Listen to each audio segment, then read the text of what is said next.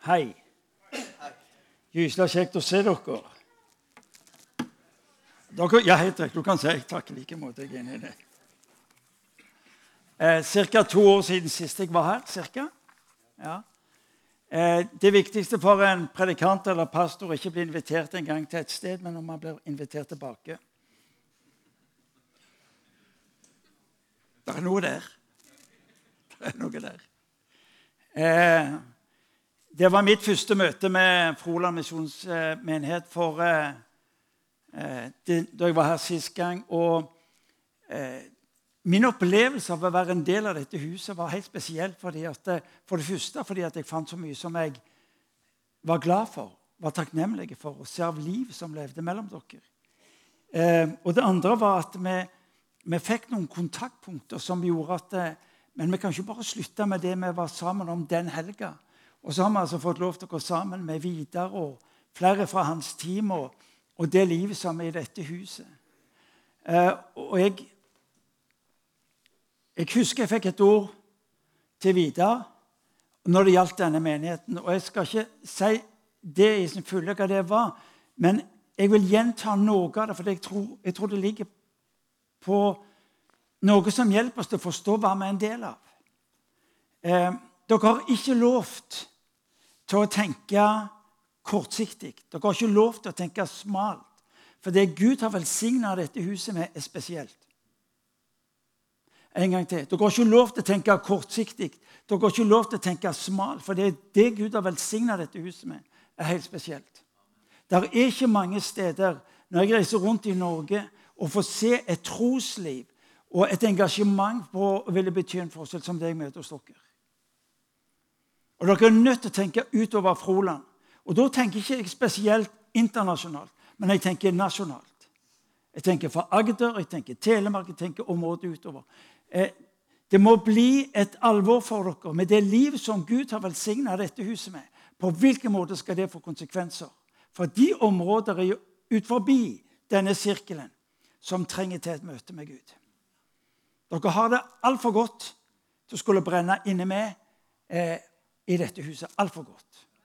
Den lovsangen, hvor er dere henne? Fabelaktig. Vet du hva? I all verden skal dere med en predikant når dere har den lovsangen? Ikke sant? Er dere ikke enige? Ja, nå har dere ikke hørt meg ennå, så sånn sett så kan dere ikke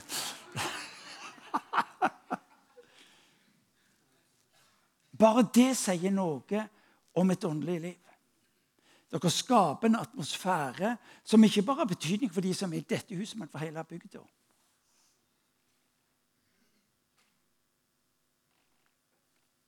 Amen. Martin K. vet jeg har gleden av å være en del av pastorteamet i min kirke. har vært i mer enn 40 år.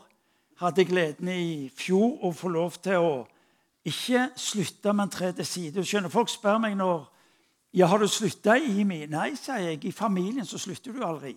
Du får bare en annen funksjon. Og Min funksjon i IMI kirke nå er ikke lenger å være eh, såkalt hovedpastor, men, men, det å være en del av pastorteamet. Det er akkurat som i familien. Slutter jo ikke å være en del av familien fordi om du blir bestefar. Skjønner du? Det, altså Hvis du kan ha, så kan du stille spørsmål med de som går på det, da, men når noen går hen og blir presidenter når de skal bli 72 år det, så sånn sett så er jeg jo litt sånn tidlig ute. Men jeg, eh, jeg tror jeg får lov til å være en del av en familie som skal ha betydning langt utover det som både representerer Stavanger og Norge, om du vil, eh, utover eh, resten av denne verden.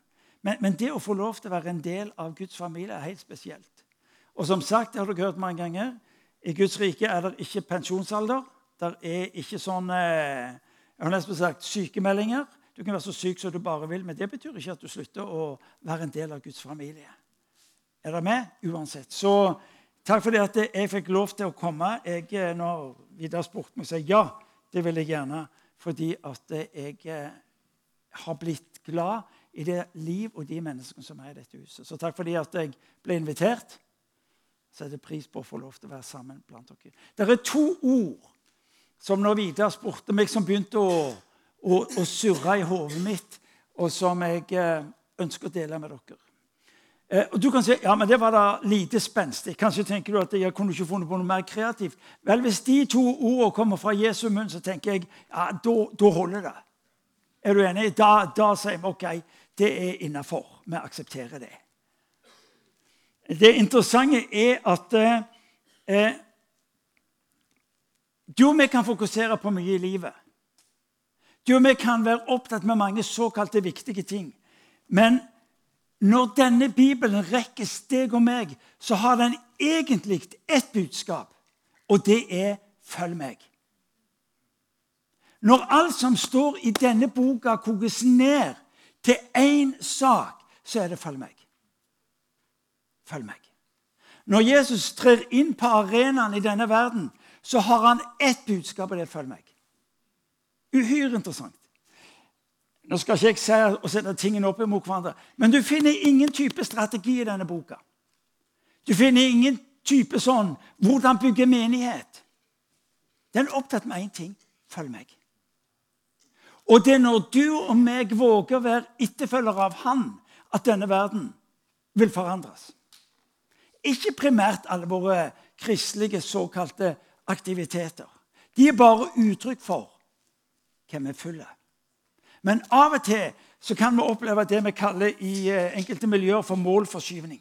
Nemlig at det vi holder på med, blir viktigere enn han vi er sammen med. Så det er litt av det jeg skal peke på i kveld. Be om at du og meg må forstå det der. Følg meg.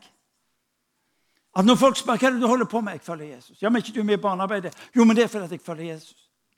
At Når du og meg står opp om morgenen, så er det én ting som opptar oss. Det er takk Jesus for at jeg får lov til å følge deg. Og så er det det som gjennomsyrer ja, Du kan gjerne være med i et lovsangskole, du kan gjerne være med på kjøkkenet, eller hva det måtte være, men det kokes ned til én ting etterfølgelse av Han. Og Det er det vi skal fokusere litt på. Allmaktens Gud. En gang til. Allmaktens Gud. Hva betyr det? Allmaktens Gud.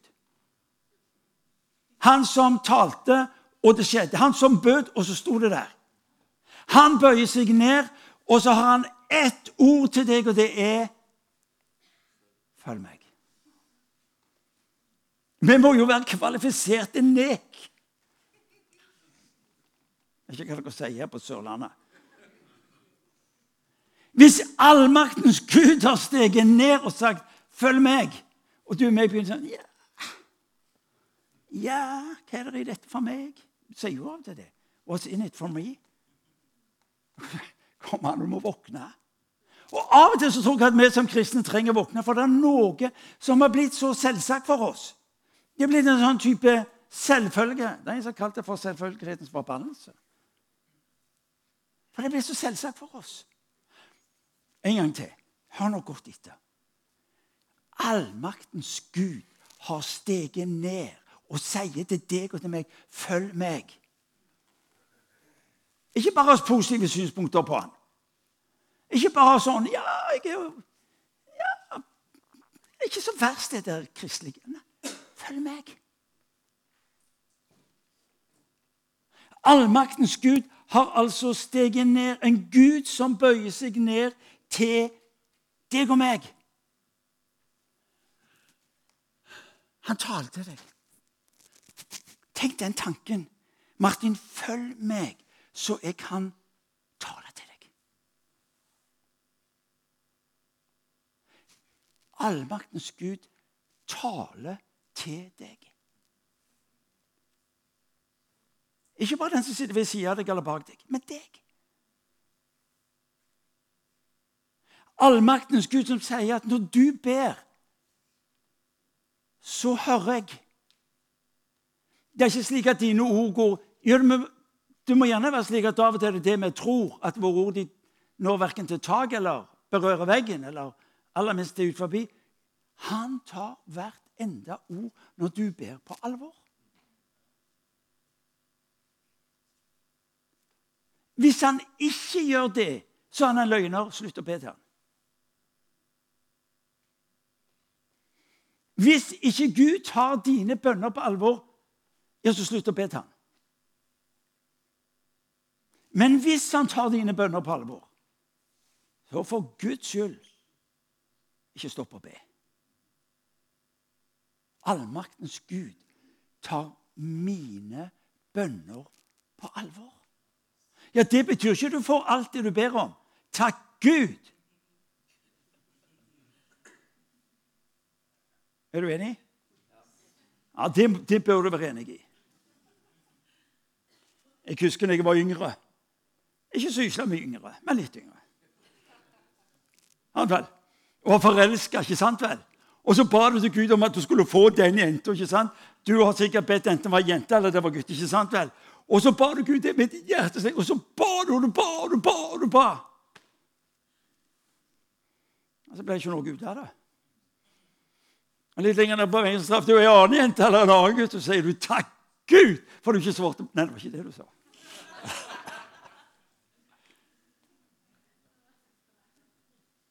Er dere med meg? Ja. Allmaktens Gud tar din bønn på alvor. Han hører når jeg ber. Han har planer for meg. Igjen, jeg snakker ikke om en religiøs skikkelse et eller annet sted. Jeg snakker om allmaktens Gud. Så jeg, jeg vet hvilke planer jeg har for deg. Jeg vet hvilke tanker jeg har for deg. Han taler til deg. Han hører når du ber. Han har planer for deg. Det er sannelig med hatt ikke småtterier.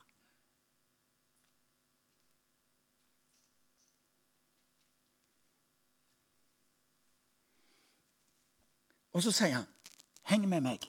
Det er det de sier i dag i det moderne samfunnet. Hvem er det du henger med? Jesus sier, 'Følg meg'.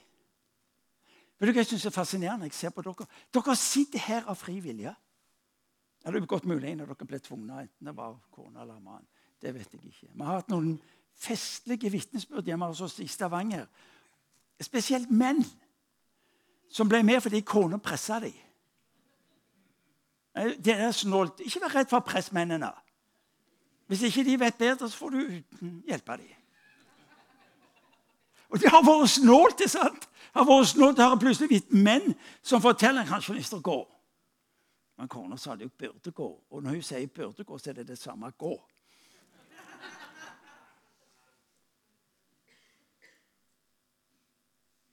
Det som er så fascinerende, dere er her fordi dere ønsker å høre mer om Jesus.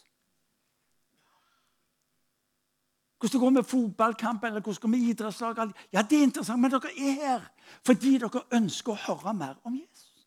Dere ønsker jo ikke primært å øke informasjon eller kunnskap. Dere ønsker jo at livet deres skal bli forvandla. Er dere med meg?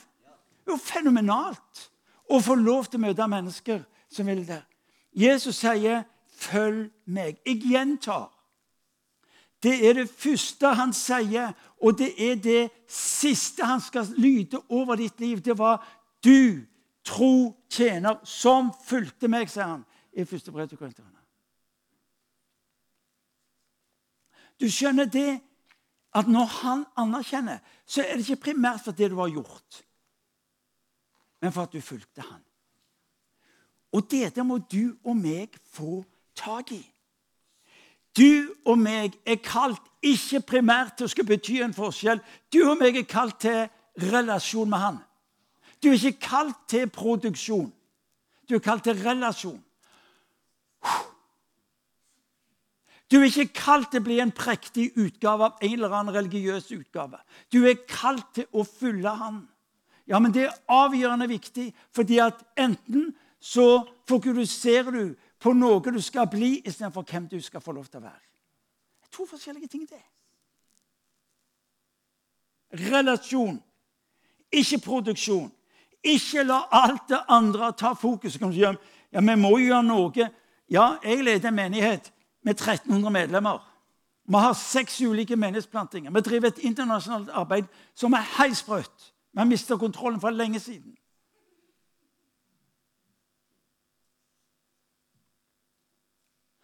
så er det altså ikke menigheten eller visjonen eller, eller, virksomheten som er det avgjørende, men han sier 'følg meg'. For hvis du starter med han, vet du hva? Da starter du på sikker grunn. Da starter du med en som har begynt, men som også har lovt han skal fullføre. Følg meg, det betyr Følg meg. Så enkelt. Ha fokus på meg. La meg få lov til å være hos deg med alt det jeg representerer. Nå skal du høre noe som sikkert er sjokkerende. Men det eneste han forventer deg, er at du føler ham. Det er det eneste han forventer. Og du er opptatt med å fortelle om alt som skulle vært annerledes i ditt liv, alt du ikke kan, og alt det der, og så, videre. så det er helt uinteressant. Jeg elsker deg for den du er, ikke for det du skal bli. Jeg elsker deg for den du er, ikke det du skal produsere. Det er altfor mange som opplever at jeg er frelst for, med tanke på produksjon. Nei, du er ikke kalt eller frelst med tanke på produksjon. Du er kalt og frelst med tanke på relasjon. Og Det er noe av det mysteriet folkene, som du og meg er nødt til å få tak i. For hvis ikke så blir vi arbeidere og ikke sønner og døtre. Jeg er ikke kalt til å være arbeider. Det er en frykt av at jeg er sønn eller datter. Ja, Men det er jo plutselig hvile, det. Det er jo plutselig hvile. Det er plutselig skal få lov til å Og Jeg tror Gud ønsker å ta oss som hans etterfølgere inn i denne vandringen. Hva vil det si å være en kristen? Å være en Jesus-tilfølger. Ja, det er mulig du er med i forskjellige aktiviteter, men det er ikke det som gjør deg til en kristen. Å være en kristen er å være en Jesus-tilfølger. Det var det han kalte oss til. Ja, Hvis vi våger å starte der, vet du hva, da vil du og meg oppleve at livet vårt egentlig blir mye enklere. Tro, hva er det for noe? Det er etterfølgelse. Ja, jeg får ikke til alle disse kristelige tankebygger. Ikke farlig, det. Bare følg den. Jeg eh, ble kristen som ung mann. Rimelig kronglete familiebakgrunn, skilsmisse osv. Uh, ingen, ingen i familien gikk i kirke. Jeg gikk aldri i kirka. Han gikk aldri i kirka jul eller tid de pleide å gå i kirka. Det visste vi jo ikke. Eller bedehus, for den saks skyld. Men en dag så ble jeg utfordra på spørsmålet kan Jesus lyve. Stavanger så sier vi lyge. Det er mer svung over å lyge enn å lyve. Lyve er sånn Jeg kunne nesten si tilnærmet feminint. Nei, men altså det Jeg er enig. Den der var ikke fin. Nei, jeg var ikke fin. Glem den der siste der. Nei.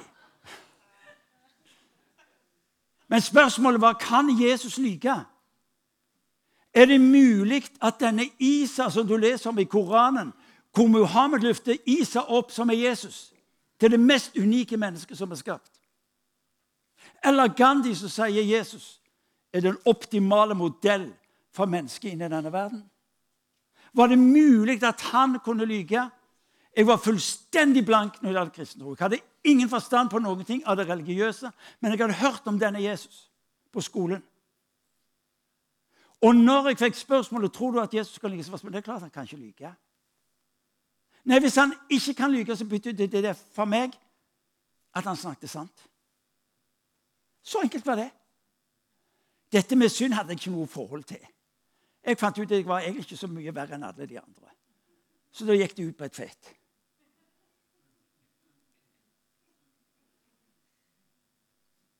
At jeg litt lenger ned på veien skjønte jo at jeg også som en synder trengte Jesus som frelser og forson. Det var noe annet, men det var ikke der det starta. Men for meg så starta det med Hvis Jesus ikke kunne lyge, så betydde det at det han sa, var sant. Og hvis han sa det han sa, så var det fordi han mente det han sa. det er logisk, Martin. Jeg er enig. Men det er jo det han sier. Følg meg. Følg meg, og så skal du bli del av det som jeg har for deg. Tro etterfølgelse. Jeg hadde ikke alt dette andre på plass. jeg. Så smalt. Du kan ikke like. OK, jeg er med. Kanskje hadde du den store, sterke synserkjennelsen og alt det der. Ja vel, det er smalt, det òg, for å si det enkelt. Vi har ulike måter å bevege oss inn i denne troen på. Men poenget er jo ikke hvordan du kommer inn. Sagt, Men hvordan har du kommet ut?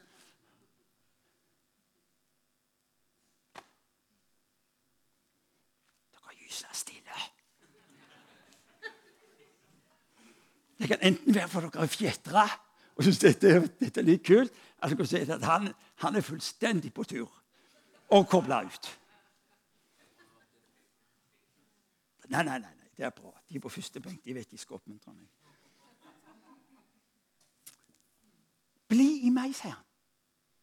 Ja, hvordan kan jeg Jo, ved å følge han. Allmaktens Gud er opptatt med at jeg skal være hos ham. Bli med på det han gjør. Hva gjør du nå, Gud? Hva var det Jesus gjorde? Du leser om det i Johans evangeliet kapittel 5. Det står om Jesus at han, han har en bekjennelse og sier han, jeg, sier han, jeg gjør ingenting annet enn det jeg ser far gjør. Uhyre interessant. Jesus modellerer et liv som du og jeg skal få lov til å ta tak i. Hvis du vil bli som Jesus i denne verden For det er nemlig det han sier. Som han i denne verden er vi i denne verden, sier Johannes. Ja, må du lære av Jesus. Jesus sier jeg gjør ingenting annet enn det jeg ser far gjør. Ja, Det betydde at han var altså i tett relasjon med far. Og så sier han 'bli meg'. Vær tett opp til meg.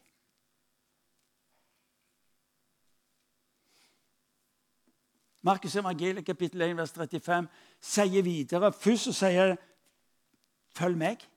Jeg skal gjøre dere til menneskefiskere. I vers 35 så står det at Jesus ba. Det står om Jesus at han ba hver morgen. Så kan du si ja, men var det nødvendig, det, da? Altså, Hvis du tenker etter. Burde ikke han ha såpass oversikt at han trengte ikke disse bønnestundene?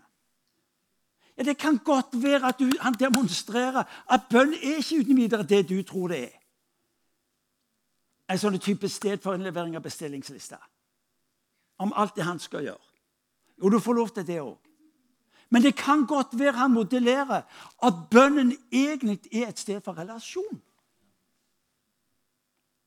Altså, Han henta ut det han skulle ha for dagen som møtte. Far, hva ser du denne dagen er?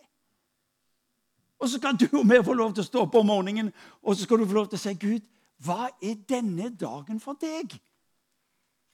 For du ser det at hvis du starter med hva denne dagen er for Gud, så betyr det at du får være med på det han vil møte denne dagen med. At det hviler det, folkens. Og en vanvittig kraft. Og en vanvittig kraft. For hva gjør du nå? Følg meg, og du skal forstå hvem han er. Når du og meg våger å knyttes til Han, så vil du oppdage at han er ikke primært din ressurs. Gjør ikke Gud til din ressurs.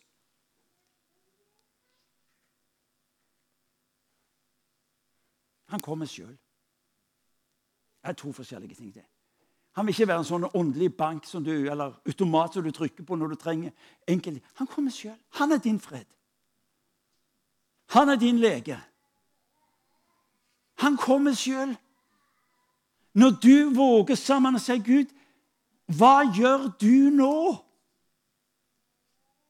Da jeg starta min kirke i Stavanger for mange år siden, så var min bønn 'Kjære Gud, jeg hadde vanskelig. Kjære Gud, hva gjør du nå?' Helt til jeg skjønte det var den dummeste bønnen jeg kunne be. Jeg må ikke be den bønnen. Ja, det er riktig nå. Gud, hva gjør jeg nå? Det var den dumme Er dere med meg? For hvis du ber, kjære Gud, hva gjør jeg nå, så har du fremdeles problemer. For hva gjør jeg nå? Men hvis bønna di er, kjære Gud, hva gjør du nå? Så det er det han som har problemer. Takke meg til. Er dere med? Ja, men Det er jo det han, det er derfor han er så han er så opptatt med at du skal få tak i ham, Martin. Jeg er ikke opptatt med alt det du holder på med, som at du følger meg. Takke meg til at jeg får lov til å gå med han, enn at han skal gå med meg. Er det forskjell på det? Ja, holdningsmessig er det det. Fordi at du tar ikke utgangspunkt i hva du skal gjøre, men hva du skal få lov til å være med på. Det er veldig bra sagt, egentlig.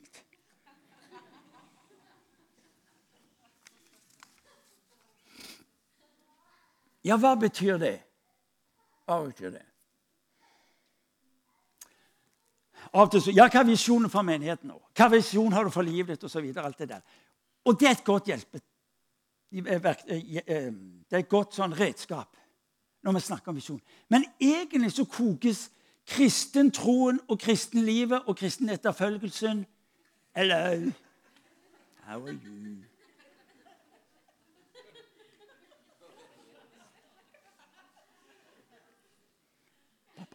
Mamma, hvem er han galne der? Hør nå. Hvis ikke Jesus blir din visjon, så blir alt annet det. Hvis ikke Jesus blir din visjon vet du hva? Visjon er et fokus på en såkalt forventa framtid. Det er beskrivelsen, definisjonen av visjon. Ja, jeg skjønner hva folk mener. Men hvis ikke de visjonene springer ut av en hovedvisjon, nemlig Jesus Kristus, så bommer du. Han er min visjon. Han er min retning. Han er mitt innhold. Ikke bare på, med hensyn til hva jeg skal gjøre, men med hensyn til min identitet. Fordi jeg, jeg har denne besnærende evnen til hele veien å, å bygge min identitet på en masse ting jeg skal gjøre. Istedenfor å lov til å kjenne at jeg, min identitet, min, min forankring, er i Han. Jeg vet litt om det. Jeg har ledet menighet i 40 år.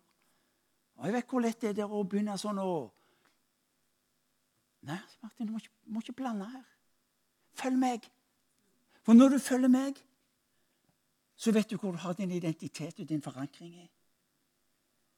Du skal få lov til å være med på det han gjør. Du skal få lov til å være med på det han gjør. Jesus vil alltid peke på seg sjøl som løsningen. Han vil alltid, Kom til meg, sa han. Disiplene hadde problemer med mye folk og mat og catering. og hele greia. Kom til meg. Jesus hadde ikke greie på catering, han. Ja, ja. Det er min tolkning. Den kan gjøre like god som din, så den er greit nok.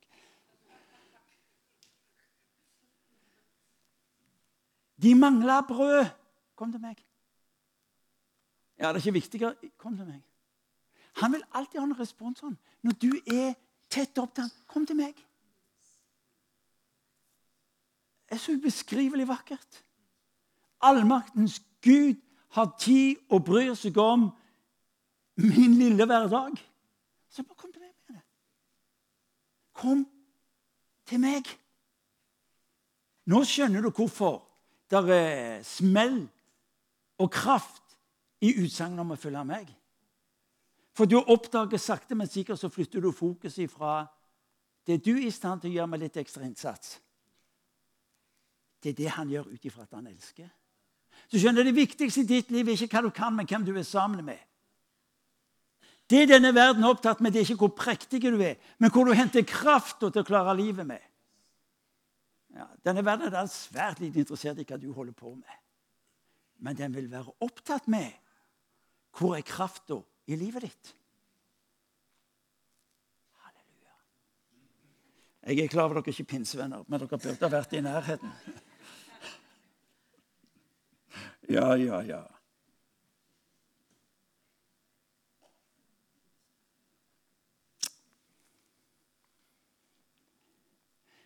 Det er så mye jeg ikke forstår, sier folk. Han gjør ikke farlig det. Ikke jeg heller. Men han vil alltid peke på seg sjøl, for du er nettopp i relasjon med han. Er du med? Du er nettopp i relasjonen med han du vil lære han å kjenne.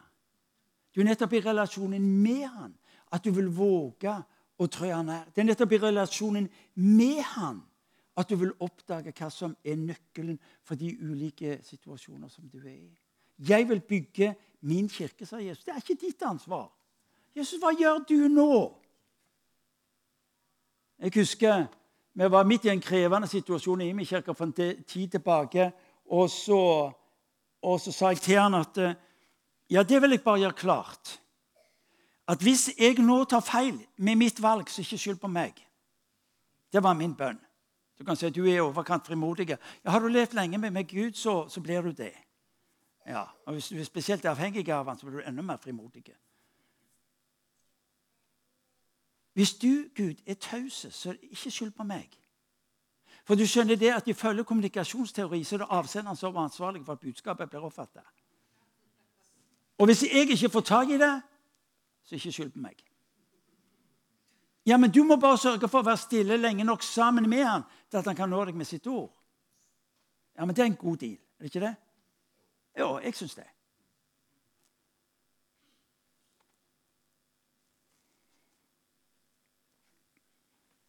Jeg har litt til. Kan jeg ta litt til? OK.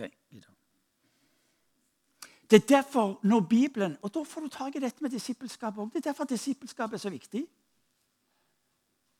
Det interessante er Jesus har aldri bedt oss om å og gjøre folk til kristne. Han har bedt oss om å og gjøre folk til disipler. Det er interessant. Uhyre interessant. Les en rapport fra undergrunnskirka i Iran for en tid tilbake hvor de forteller at de opplever en vekst av 20% hvert år. Og så sier lederen av kirka i Iran det skjer ved at vi disippelgjør mennesker. Vi begynner å disippelgjøre mennesker før de er blitt frelst. Det interessante spørsmålet som du burde kunne gjøre plass for, det var når ble egentlig disiplene frelst? Du får se rett, du har ikke peiling. Men det er ikke så farlig. Uansett, han starta med dem. Fra dag én. Følg meg. For å disippelgjøre. Du skjønner, Disippelskap forutsetter relasjon. Disippelskap forutsetter nærhet. Disippelskap forutsetter omsorg og kjærlighet. Du skjønner det at eh, Jeg tror jeg sa det for to år siden, men det var såpass greit at jeg kan si det en gang til. Ditt og mitt primære kall er ikke å vinne mennesker for evangeliet. Ditt og mitt primære kall er å elske mennesker for evangeliet. Ja, da er du midt inne i disippelskap med en gang. Ja, vi skal ikke ha håndsopprekning, men det kunne vært fristende. Vi skal ikke gjøre det likevel, selv om det er fristende. Eh, har du vært på de møtene hvor du sa ja, hvor mange har du vunnet fra Jesus Kristus?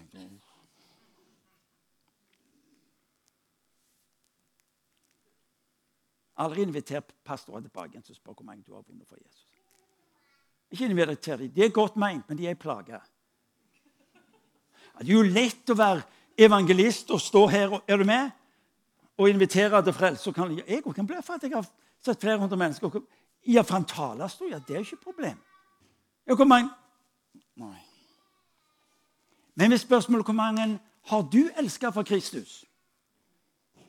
Ja, det kan jeg. Jeg er gysla god på å servere kaffe.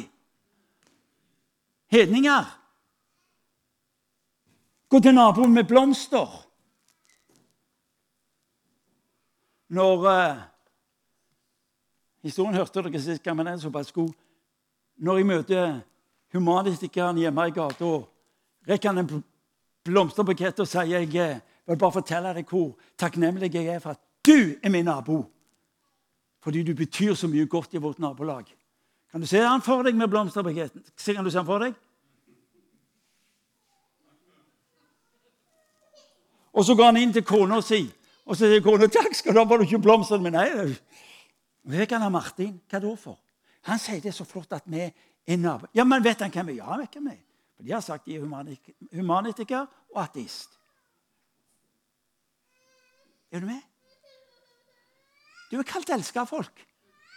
Og når du slutter å skal vinne folk fordi folk kan ikke fordra å være et objekt Jeg kan heller ikke fordra å være et objekt. Når du går i byen og noen skal selge deg noe eller verve deg for et eller annet, så Du, du er enig? Men jeg er gyselig svak for å bli elska. Jeg er det. Du òg. Bare vær ærlig. Du òg. Ja, jeg vet ikke så mye Å, langt ifra. Det er bare statuer som ikke bryr seg.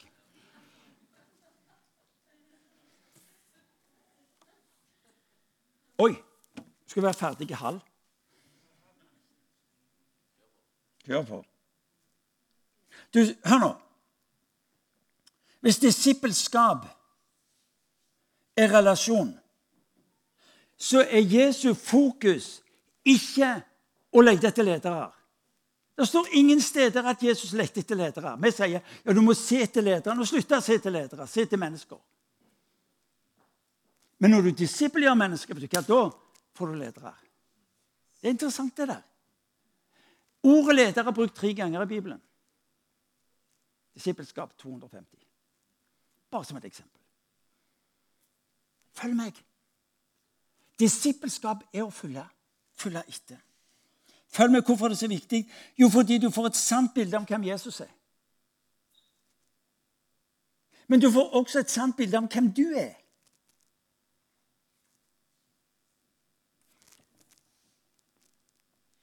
Å være elska har verdi.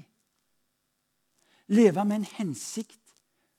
Vite ord om håp gjelder deg. Hvorfor? Fordi du er sammen med Han som er bærer av det.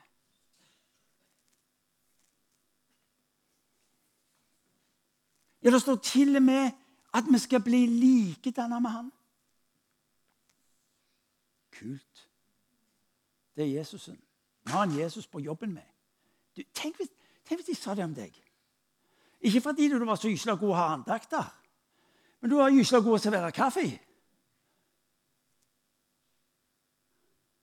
Er du med? Du ser det Denne verden spør ikke etter hvordan bli frelst. Men den spør hvordan kan jeg bli elska. Fordi det var noe som røyk i syndefallet. Relasjonen røyk. Opplevelsen av tilhørighet røyk. Opplevelsen av å være innafor røyk. De spør ikke etter å bli frelst, men de spør etter å bli elska. Så ikke se på de på jobben som om de er motstandere av det du tror på. De vet bare ikke hva de skal tro på.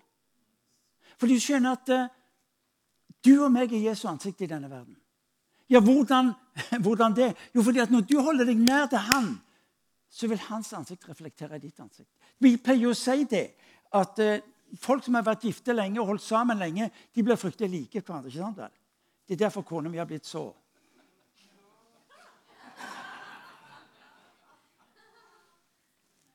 Jeg er klar over litt dårlig humor må dere leve med.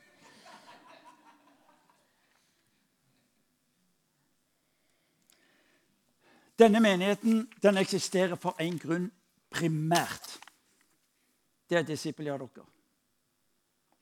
Lederskapet i denne menigheten, med videre lederskapet, har én primær oppgave med dere. Det er disippelgjør dere. Og det gjøres ved at du får hjelp til å følge Jesus.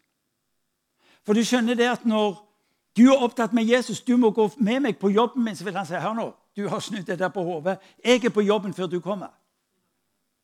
Når du er opptatt med at han skal et, velsigne deg med et eller annet, så sier han du tar feil. Jeg er der allerede. Fordi at enten så jobber du for min velsignelse, eller så jobber du ut ifra min velsignelse. To forskjellige ting. Enten så du, ut, enten så jobber du for min kraft. Gud, du må velsigne meg, du må gi meg kraft osv. Eller så jobber du ut ifra min kraft. Det er to forskjellige ting. det. Han er da ikke her for å velsigne det du holder på med. Men han er opptatt med at du skal bli en del av det han holder på med.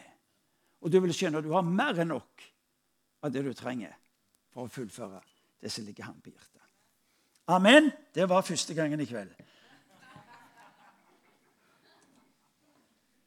Ja.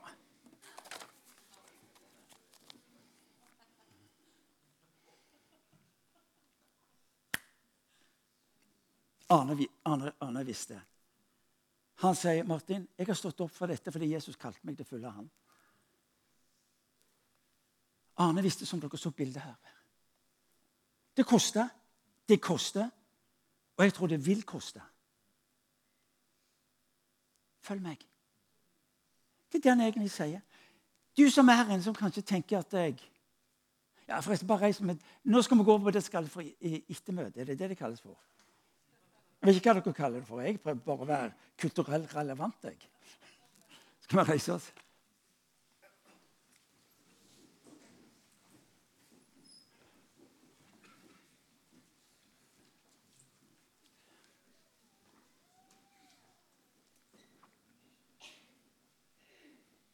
Begynner folk å gå før jeg har kommet i gang.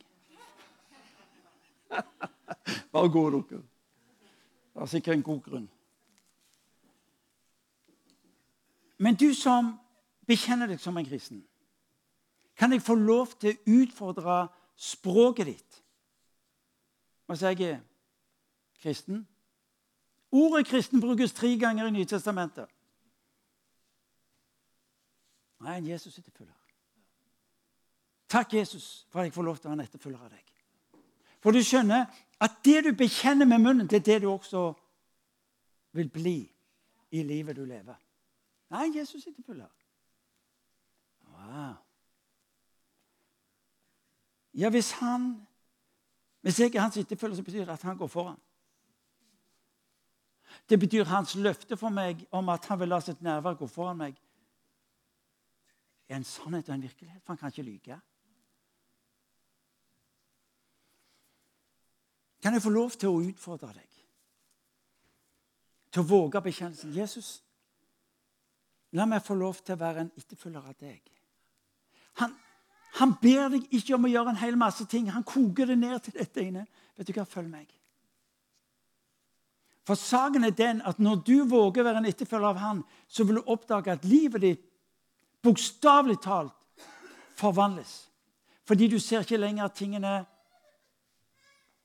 som de er. Før så du de som du var. Du ser aldri tingene som du er. Det er jo prinsipielt faktum. Du ser aldri tingene som du, du ser de som du er.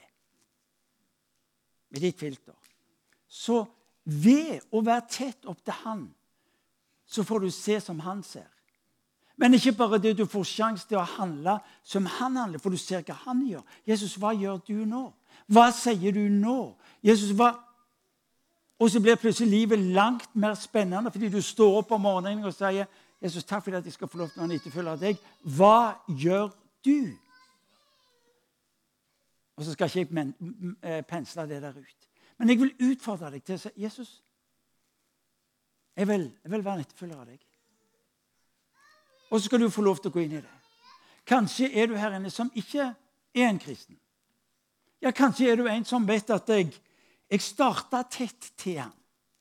Og så var det et eller annet som skjedde, som gjorde at det ble avstand. Du, du vil gjerne fremdeles bekjenne at du er en kristen, men du vet med deg sjøl at det, det, det, det har kommet noe der.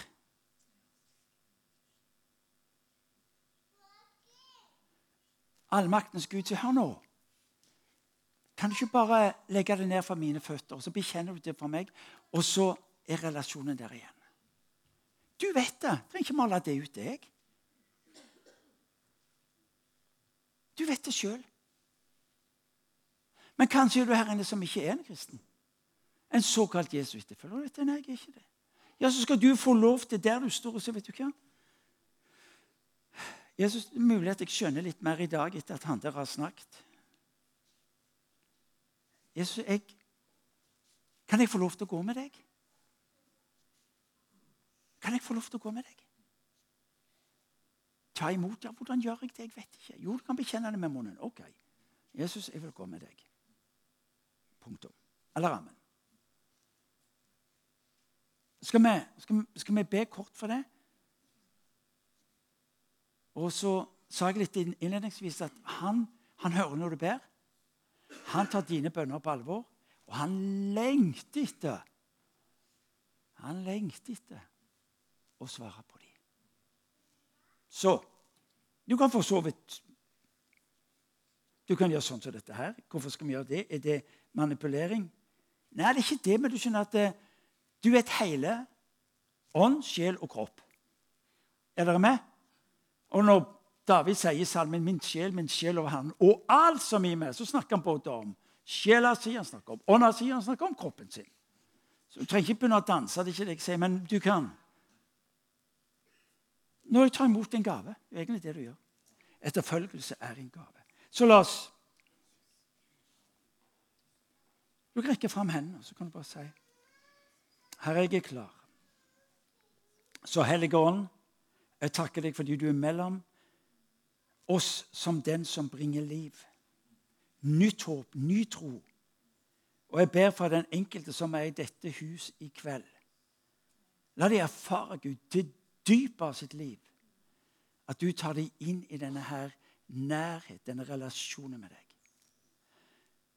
Far, du, du utfordrer oss på å velge. Du sier 'velg i dag'. Og jeg ber for hver enkelt av oss. Jeg ber for hvert enkelt av oss, jeg ber for meg sjøl, for om å gjøre et valg, Herre. på å være en etterfølger av deg. Vi vet, far, at denne verden imponeres ikke av det vi holder på med, men den imponeres av at du, Gud, har tatt bolig i et menneske. Og vi ber far, om å være et folk som er så nært deg at det tyter ut overalt. Vi ber om det, far.